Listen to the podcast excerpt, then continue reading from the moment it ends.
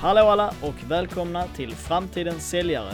Podcasten där vi diskuterar säljbranschen och företagande ur framtida säljares perspektiv.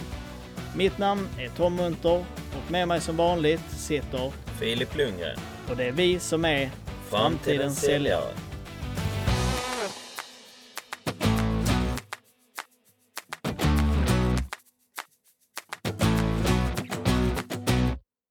Hallå allihopa och välkomna tillbaka. Jag sitter ju här med fina Filip och vi har även en fin gäst idag. Och det är ingen mindre än Dominic Egli. Oh! Det lät nästan som en, en amerikansk introduktion. Dominic Egley. Snyggt. Ja men vi kör internet, internationellt här. Framtidens säljare goes international. Ja, tack så mycket. Hur är läget Dominik? Jo, det är mycket bra tack. Det är full fart och, och spännande tider. Så det ska bli kul att få prata med er i lite isolerad tid här. Härligt. Och det är bra med Filip också. Det är alldeles strålande en sån här fin dag. Och allt bra med dig Tom? Ja, det är alltid bra här kan jag säga. Mäktigt. Skönt att höra. Ehm, så att vi har ju, det har ju varit efterfrågat att ha med dig Dominik eh, här på podden. Så att eh, vi har sett mycket fram emot detta. Så att eh, nu kommer några bra frågor här. Men vi Ja, det är börjar smickrande.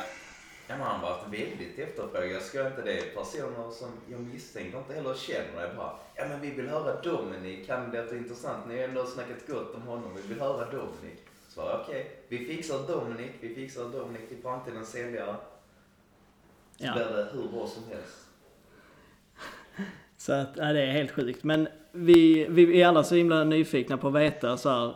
Dominik, om du vill bara förklara lite. Hur har din resa börjat liksom? Hur den började egentligen? Ja, men, eh, då får man gå tillbaks eh, så långt som till, vad kan jag ha varit, 8-9 eller något sånt när eh, morsan tyckte man skulle slita för sina pengar som man skulle få, få lov att spendera. Så jag har väl varit arbetsför sedan tidig ålder genom att eh, dels, eh, dels eh, dela ut tidningar och sånt på, på veckodagar och, och efter skolan och sånt eh, för att få en liten inkomst. Och sen så har jag väl varit någorlunda kreativ när det kommer till ja, men dörrknackning och sånt även i tidig ålder när man skulle få sälja till skolresor och sånt. Så vi, vi, sålde buss, vi, vi printade ut busstidtabeller i, i Norra Sköndal där jag är ifrån som var till de två mest eftertraktade liksom, tidslinjerna. Så, så sålde vi dem för eh, en för 15 eller två för 20. Och på så vis så drog vi in tusen spänn till, till resan som vi skulle till vad hette det, Klövsjö eller något sånt, eh, någon skidresa. Så, och så mamma bakade bullar och jag gick omkring och sålde det också för att driva in lite mer pengar. Så jag har väl haft det här, jag, jag gjorde en tidig dörrknackningsresa om man säger så. Och sen därifrån så, eh, så plugg, eller gick jag i skolan och, och började jobba också eh, på posten som, som gjorde att man fick upp det här liksom, tidiga, gå upp i ottan och göra eh, slitgöran eh, från 14 års ålder kanske och sen jobbat i, Eh, på Globen i, i kiosker där och sen efter studenten så åkte vi till Norge och, och tjänade pengar och jobbade hårt i, i fyra månader där så att vi hade lite att resa med. Och sen så började eh, min, min resa som bartender och, och liksom inom dryckesindustrin med att jag gick en utbildning eh, på Europeiska bartenderskolan och, och fick eh, efter utbildningen så fick jag vara kvar som lärare också. Jag var väl inte inte världens bästa bartender, jag, fick, eh, men, men jag hade lätt att lära mig och, och också en förmåga liksom att hantera människor och, och lära mig det. Så växte jag i den rollen och blev huvudlärare och fick åka jorden runt och jobba på skola i, i Thailand om vinterhalvåret och i Grekland på sommarhalvåret och så lite i Stockholm och även eh, öppna upp ett, jag var sex månader i Kina i Guangzhou och öppnade upp en skola eh, när jag var ja, 21 eh, var jag då. Så jag, jag har varit ganska orädd av mig och liksom lärt mig på det sättet genom att, att tacka ja eh, och, och liksom ta snabba beslut som, som kanske inte är mest genomtänkta men, men som gör att man, man tar sig an saker och lär sig nya grejer. Eh, sen eh, så, så träffade jag min fru utomlands och eh, eh, valde väl att liksom avbryta det här resandet och, och liksom börja satsa på, på karriär och eh, även eh, att börja liksom stadga sig lite. Så då, då flyttade jag till Malmö och eh, började plugga på IOM Business School eh, till företagssäljare. Och där så hade jag väl ett tydligt mål att nu får, ni får bryta om jag, om jag pladdrar på för mycket. Liksom. Men, men, eller om du har frågor. Ja, jag tänker, ja men det är klart det man blir helt eh, insugen när jag hör din historia. Liksom. Jag tycker det är väldigt intressant. Men jag tänker, hur var liksom, eh, hur skedde liksom det steget då? Liksom? Ändå från bartender och sen liksom till företagssäljare. Vad var det som fick dig liksom att byta bana från att vara runt och resa i världen och ja, men sälja drinkar till att hålla på med företagsförsäljning? Nej, men det, eh, slumpen, eh, eller jag gillar inte att säga slumpen för jag gillar att äga slumpen på, på ett sätt. Men, men samtidigt så var det liksom förekomsten, det var på väldigt kort tid så var det tre personer som liksom så här, sa till mig du borde gå den här utbildningen. Så det var min pappa och det var två andra som, som var bekanta som sa borde inte du göra det här? Och så tittade jag och läste på om det och liksom så här, jo det borde jag faktiskt göra. Plus att man då kan kan kombinera det med att ha ett mål i den utbildningen att ja, men jag vill jobba inom det här. Det här är någonting som jag drivs av och tycker är kul. Så jag hade ett tydligt mål var jag ville jobba någonstans också. Eh, och jobbade liksom mot att, att eh, nå dit. Mm så det var väl egentligen det som gjorde att eh, jag kom in på, på det här eh, företagssäljarbiten. Att det gick att kombinera både mina intressen och eh, mina, eh, att utvecklas och, bygga karriär.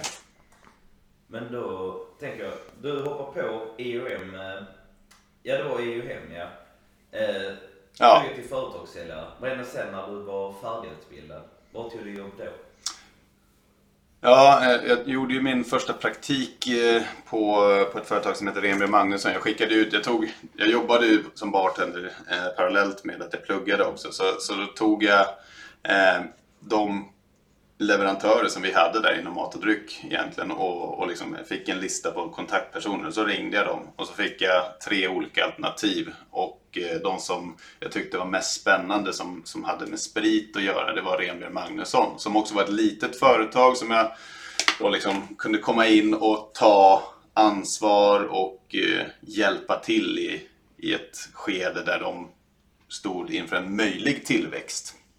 Eh, så jag gjorde min första praktik där och även min andra praktik och jobbade lite parallellt med det också. Eh, I kombination med skolan. Liksom man började tänka och det var det som under utbildningen så började man förstå försäljningen bättre genom att applicera det på sin, sin praktik.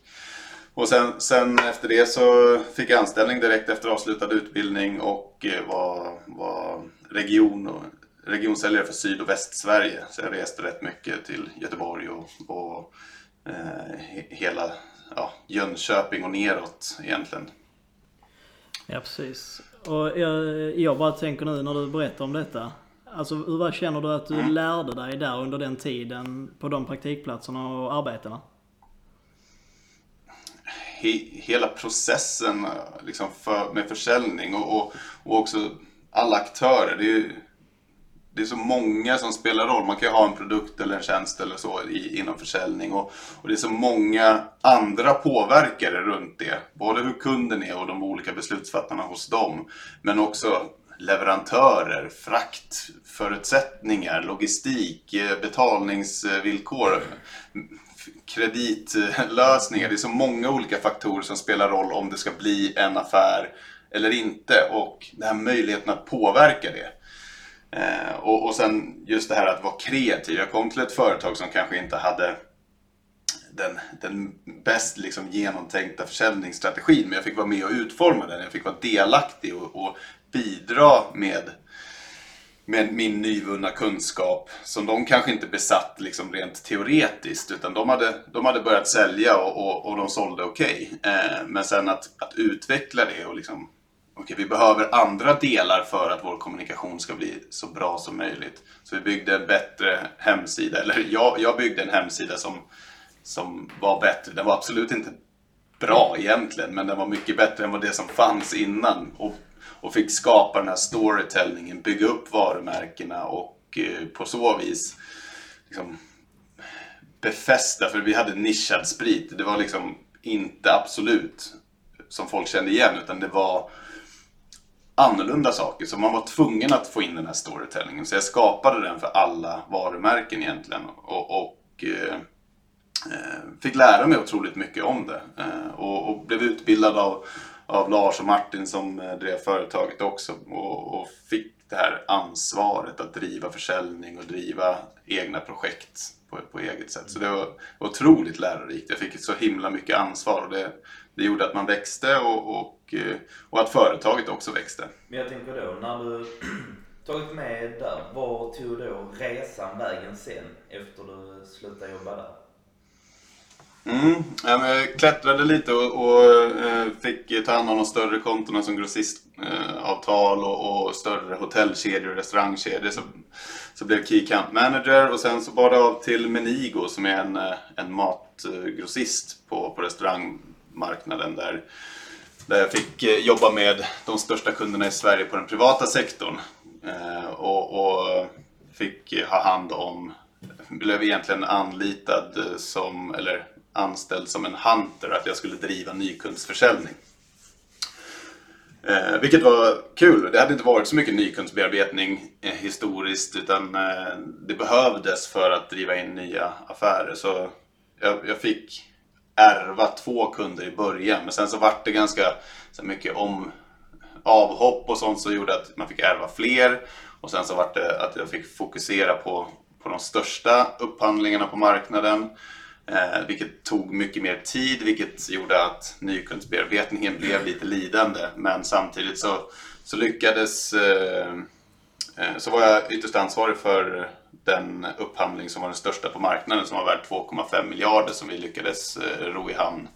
Eh, så det, det är by far den största affären jag gjort i alla fall. Eh, men, tillsammans, nej, men tillsammans med såklart det team mm. som vi hade. Liksom. Men, men jag hade det långsiktiga sex månaders ungefär bearbetning på det projektet. Ja. Det, det, är riktigt intressant att höra liksom hur, vad du liksom har lärt dig under din tid när du har praktiserat sånt. Och kul att du fick det fria ansvaret. Jag kan tänka mig att du har lärt dig mycket av det liksom. Bara att du fick göra massa grejer. Det, ja, verkligen. Och det, ni, ni ska ju vara hos mig och det kan ni förvänta er också. Att det är, jag, jag förespråkar att man ska ta egna initiativ, ha egna driv. Eh, för annars så, så blir det någon slags övervakningsverksamhet. Eh, liksom. Att jag ska ha koll på att du gör exakt som du gör. Men jag vill egentligen att du ska göra det som du tycker är mest lämpligt. Och sen så ska jag se till att det driver försäljning. Att det är i, i paritet med liksom vad företaget ska. Men hur vägen ska gå dit Ja, det är ju ni bäst, för ni är ute på marknaden. Ni kommer ju se och, och liksom kunna tweaka till det som, som är, eh, ni tycker är bäst. Och då ska man ha de mandaten, tycker jag, att, att vara lite uppfinningsrik och, och se andra typer av vägar än de traditionella, att man ska jobba på ett visst mm. sätt och så. För idag så, om, om, för tio år sedan när jag pluggade så så händer det saker. Men idag händer allting ännu snabbare och det kommer fortsätta hända snabbt. Så man måste vara anpassningsbar och, och kunna liksom, förändra sitt beteende för att det sker saker hela tiden som påverkar ens sätt att sälja. Och är man inte med så är man ute. Det kommer vi också gå in och prata om eh, sen efter pausen. Men jag tänker där med NIU. Sen om jag har rätt för mig så var det ju mm vad heter det, då eh, förflyttar du dig vidare till ett företag till för, eh, ja men vad ska man säga, nya utmaningar så antar jag ju att det var liksom. Mm. Så du kan väl berätta, var hamnade du efter Menigo? Mm. Eh, jag blev kontaktad av ett företag som ville ha en Sverigeansvarig för sin verksamhet som heter Food People, som är ett danskt företag som tillverkar högkvalitativt bröd och eh, bakverk och så. Eh, jättespännande, ekologiskt, kravmärkt. Eh, jag hade fått upp en, en, annan bit av intresset liksom, i och med att jobba med Menigo, och vara generalist. Eh, från att ha gått från sprit, liksom, fokusera på det, bli mer generalist och, och, förstå hela marknaden. Så, så tyckte jag det var intressant att få ett större ansvarsområde för en mer produktspecifik, liksom, med bröd och bakverk och så. Eh, så började där eh, 2019 eh, på, på våren och eh, jättefint företag, ett litet med, med korta beslutsvägar och, och, och, så. Men eh, det var en utmaning som vi hade med valutan att dels så hade det inte varit någon typ av prisjustering på, mm. på många år vilket gjorde att man kom in till en, en surdeg att lönsamheten var väl sådär och att man var tvungen att justera den tidigt. Plus att valutan var, den danska kronan stod i 1,45 om inte 1,50 nästan mot den svenska vilket gjorde att det blev väldigt dyrt att köpa varor från Danmark just. Eh, så det, det, var svårt att sälja mot den svenska marknaden även fast vi lyckades liksom omförhandla avtal och, och, och, få in en viss nykundsförsäljning också så var det att de, den försäljning vi hade ifrågasattes för att priserna blev väldigt dyra. Eh, men eh, då fick jag fokusera också mot den danska marknaden och jobba mot eh, några av de största kunderna på den danska istället också.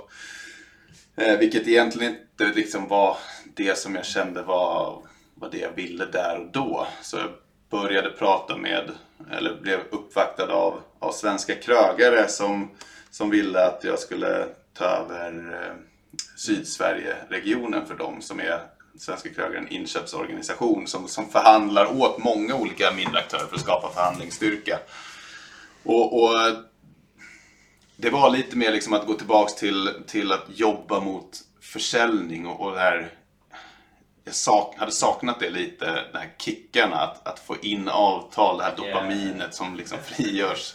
Eh, att, att få säljkickar och, och så. Och här kände jag att dels så var det ett företag som ville mycket, som hade en bra produkt eh, eller tjänst som var attraktiv, som man kunde stå bakom. Jag förstod hela liksom, biten av marknaden och hur man skulle sälja in den. Eh, och såg verkligen fram emot att börja där och, och han väl med en och en halv månad innan shit hit the fan om man säger så med Corona. Eh, så, så det vart eh, tyvärr eh, ganska kort, kortlivat om man säger så. Och det som hände sen med, med branschen var ju var ju, eller är fortfarande hemskt att se hur livsverk går i kras, hur folk kämpar och sliter för att skapa någon typ av möjlighet att överleva i den, den bransch som jag älskar och som liksom har varit mitt specialområde som jag totalt har inriktat mig på. Så, så kraschar allt och, och det är hemskt att se hur lite de blir lyssnade på av regering och, och, och så. Eh, så det, är det, det är eh, jättesynd att se alla drömmar och alla duktiga människor som tvingas bort från branschen. Både från, från alla olika typer av, av roller eh, egentligen. Så, men eh, det som... Eh, det som eh, det, det, är inget ont som inte har något gott med sig. Och samma dag som jag visste att jag inte skulle kunna fortsätta på Svenska Kröger så, så tog jag kontakt med Erik Badör på Grit Academy där jag suttit med i ledningsgruppen sedan starten också och sa att till hösten så verkar det som att jag har möjlighet att föreläsa och jag skulle gärna vilja göra det. Eh, så började vi titta, eller vi hade en överenskommelse sedan innan att jag skulle hålla en kurs. Men så började vi titta på fler kurser att hålla i. Och eh, så mognade väl egentligen mitt beslut också om, om att komma fram till det vi ska prata om sen, om, om hur Sales Edge fick sin start och, och liksom varför jag valde att starta eget och så.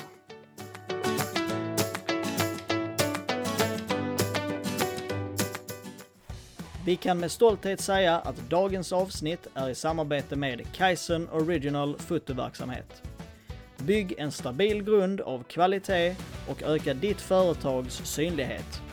För mer information besök gärna www.kaizenoriginal.com.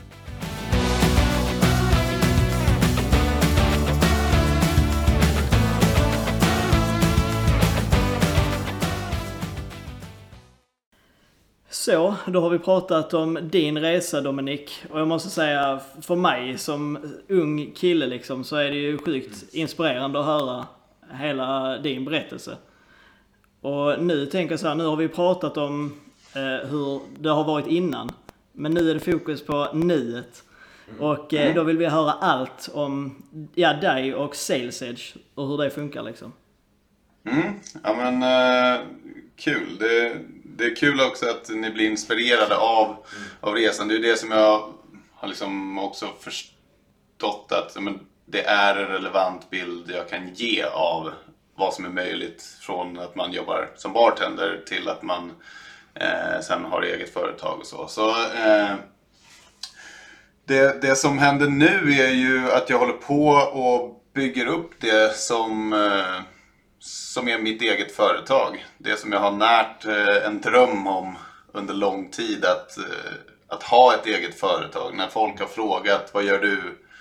Vad, är din, liksom, vad gör du om fem år? Vad gör du eh, om tio år? Så har jag alltid sagt att ja, men då tror jag att jag har ett eget företag. Och det, det har ju alltid också varit svårt eftersom man har haft den här karriären som man har haft eh, och utvecklingen så var det svårt att kanske kapa den, den goda inkomst man hade och mm. satsa. Men så, så blev det ett naturligt break och en naturlig möjlighet. Så nu håller jag då på att starta eh, Sales Edge, som, eller Sales Edge är startat. Eh, söker ni på alla bolag så heter det något annat men det kommer att byta.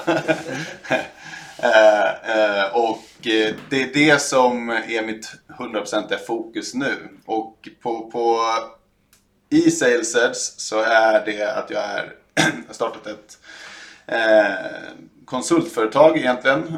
Där, där jag tar mig an olika typer av säljuppdrag. Eller företaget tar sig an olika typer av säljuppdrag. Och idag så, så sitter jag med eh, två stycken som jag jobbar med och det ena är kvar i restaurangbranschen som heter Kvanti som är ett, en plattform för hospitality-branschen egentligen där man effektiviserar och strukturerar upp sin verksamhet. Dels genom orderflödet, eh, genom att säkerställa leveranser, inventera, följa upp data och på så vis skapa värde till större organisationer som, som behöver ha kontroll och styrning i sin verksamhet. och det är jättespännande för det är verkligen en produkt som, som ligger rätt i tiden och som är perfekt utvecklad för större kedjor som också är de som har en framtidstro att kunna klara eh, corona. Så det är många som ändå sitter på eh, ett koncept som, som är det som kommer överleva. Och vi, vi ser ju trender att det är större konstellationer som tar större marknadsandelar och, och liksom skapar koncept, koncept. Och, och, det här är perfekt för dem. Inte för att sälja in det liksom i, er podd. Så, men det är därför det är kul eh, att, eh, att verkligen jobba med det. Och det är ett, ett liksom, techföretag. Men samtidigt kopplat till det, den branschen jag gillar. Så jag har många kontakter kvar som man kan använda. Så. Jag tycker Sen det är, är det rätt kul. Ja. Ursäkta jag avbryter det där Donny. Men jag tycker det är rätt kul. En av eh, kunderna som Kvant har ju Brödernas. De har man ju ja. sett flitigt över och de, herregud, de expanderas nu. Och öppnar ja, jättemånga butiker, Brödernas. Ser mycket på Devetes Instagram också. De brukar äta där så. Goa, hamburgare. Ja, Nej, men eh, exakt. De har ju gett ett utlåtande att den här plattformen är ju ett av, av de viktigaste verktygen för deras expansion. För att de kan bara copy-pasta allt med meny och kalkyl och, och, kontroll och skicka ut till en ny enhet. Så det, det gör att de kan hålla den expansionstakten. Mm. Sen eh, har jag eh, ett uppdrag till då som är Sales Makeover som är en plattform, eh, en e-lärningsplattform egentligen för utbildning inom försäljning. Och det är skapat av Jens Edgren i Sverige som, som driver det som är en fantastisk eh, säljare som har jobbat med det här och dels utbildat coacher så i, i, i 25 år. Så han har en fantastisk erfarenhet och är sån här trollbindande i sin storytelling. Det är, man, man blir helt liksom, man, man sitter och bara suger in informationen för att han är så bra på att kommunicera. Och det är i kombination med den här digitala plattformen där, där det finns ett utbildnings, eh, eh, en utbildningsmöjlighet i en digital värld. I kombination med coachning och föreläsning så, så är det ett paket som ja, men har vuxit in på mig i, i och med att jag föreläser om försäljning och att jag utbildar inom det så har det blivit en ganska naturlig är de. Mm. Och, och, som dessutom utbildar mig och jag lär mig otroligt mycket av, av Jens och, och det som solution selling eh, står för. Men just den här plattformen, att, att fler kan lära sig försäljningens konst. För det är ju det, är det som är det som driver mig med just det här försäljningen. Att det är inte bara att gå ut och presentera en produkt utan det är så otroligt många delar som man måste förstå i en försäljning inom business to business. Att man måste väga, eh, liksom, ha koll på säljprocessen, du måste veta vilka frågor du ska ställa, vad för information du ska ha, hur du ska agera och så vidare. Det, det är ett socialt spel med, med möjlighet att påverka genom sitt agerande. Mm. Och då ska man veta hur man får bäst utfall av det agerandet egentligen. Och det är otroligt kul. Och sen så eh, har jag andra saker på gång. Men det är ingenting som riktigt är klart i, när vi spelar in det här den vad är det, 25 april. Men eh, inom kort så, så finns det väl eh, möjlighet att eh, det kommer bli någonting annat klart också. Men det, då får vi ta ett nytt eh, poddavsnitt om det kanske. Ja, det får vi verkligen göra. Sen eh, har jag också en fråga som jag tänker på. Mm. Det är, alltså, hur finner du livet som egenföretagare? Ja, eh, man önskar att man hade lite fler timmar. Men det är också, jag, jag har ju gått in i det här genom att jag vill göra allting själv. Vilket är dumdristigt, dumdristigt men det finns en anledning till att jag vill det. Det är för att jag ska förstå det. Eh, så jag gör min egen bokföring, jag gör min egen fakturering, min egen, så, och jag är inte utbildad ekonom. Men det finns lätta verktyg eh, som, som jag vill förstå. För att kunna ha god insyn i det. Jag gör min egen marknadsföring, jag, gör, jag har skapat min egen hemsida, jag har byggt min egen logga. Så jag försöker göra allting själv. Dels så är det ju kostnadseffektivt. Mm. Eh, det kanske inte blir det bästa resultatet men jag har en tendens att i alla fall lära mig eh, någorlunda väl och förstå hur saker och ting funkar. Eh, så jag vill göra det själv. Och det gör också att det blir lite mer personligt skulle jag tycka och jag vill att, att sales ska vara personligt, att man ska känna att människorna och, och liksom det är byggt från grunden av människorna för relationens skull och, och liksom att det ska finnas någon typ av story bakom det också. Så just nu, jag har fått fri lejd av min fru att, att satsa liksom och, och, och göra det här helhjärtat. Eh, och, och hon, är, hon spelar paddel när jag sitter och jobbar på kvällarna. Så det, det är en bra kombination när barnen sover. Men det är, det är mycket jobb, men det är jättekul också. Så det, det är ett jobb som man vill göra för att man vet att eh, det, det är för en själv och för framtiden. Och en möjlighet att kunna anställa på sikt också och kunna liksom på så vis skapa glädje och ha kul på vägen. För det är det som som är det viktigaste. Det, om man tittar på mina mål så är det liksom högst upp. Jag ska ha kul. Eh, det, det ska vara roligt.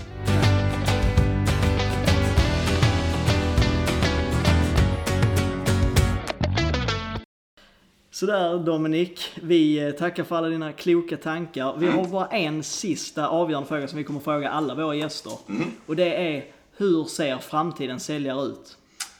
Ja, det är ju en, en spännande fråga och en bra fråga för att eh, jag tror att framtidens säljare kommer att eh, inom business to business så kommer den vara väldigt relationsdriven. Den kommer behöva hantera människor och eh, olika typer av funktioner och vara en spindel i nätet.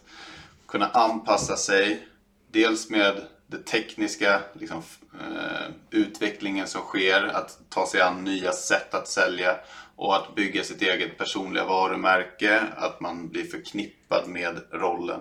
Samtidigt som man eh, förstår sin produkt och eh, förstår försäljningen. För jag tror att eh, de, den enkla försäljningen inom business to business kommer att kunna automatiseras och eh, eh, göras mer digital. Och att vi säljare kommer få ett större ansvar för att skapa de andra faktorerna i tjänsten eller produkten som man säljer. Som, som bygger på relation, kommunikation och så. Att det kommer vara väldigt viktigt för oss, eh, den framtida säljaren. Tack så hjärtligt för dina svar Dominik. Ja, tack själva. Ja. Kul med, med er podd och kul att få vara med. Ni är drivna och, och det är kul att, att följa er. Ja. vi hade blivit jagade med fackla och högaffel om vi inte hade haft med dig. För det är folk som har bara spammat med mail för att du ska vara med. Så att, Oj, nu, nu, låter. Nu, nu låter det som jag ska bli väldigt smickrad och det blir jag. och, ni, och ni är väldigt ja, fina i era avsnitt när ni pratar om mig. Och eh, jag, jag, är, jag är ganska dålig på att ta beröm. Så, eh, men jag, jag tackar så hemskt mycket och det värmer verkligen när ni pratar fint om mig. Ja, det är bara att vänja sig säger jag. Så med det så säger vi tack för att ni har lyssnat allihopa. Gå gärna in och kika på Dominic som gör ett fantastiskt jobb med Sales Edge. Och gå gärna in och kolla på våran Instagram och LinkedIn och ja, ni kan hela biten. Och eh, gå gärna in på, eh, om ni vill skicka någonting till oss så är det framtidenssally Och med det allihopa så säger vi simma lugnt. Simma lugnt.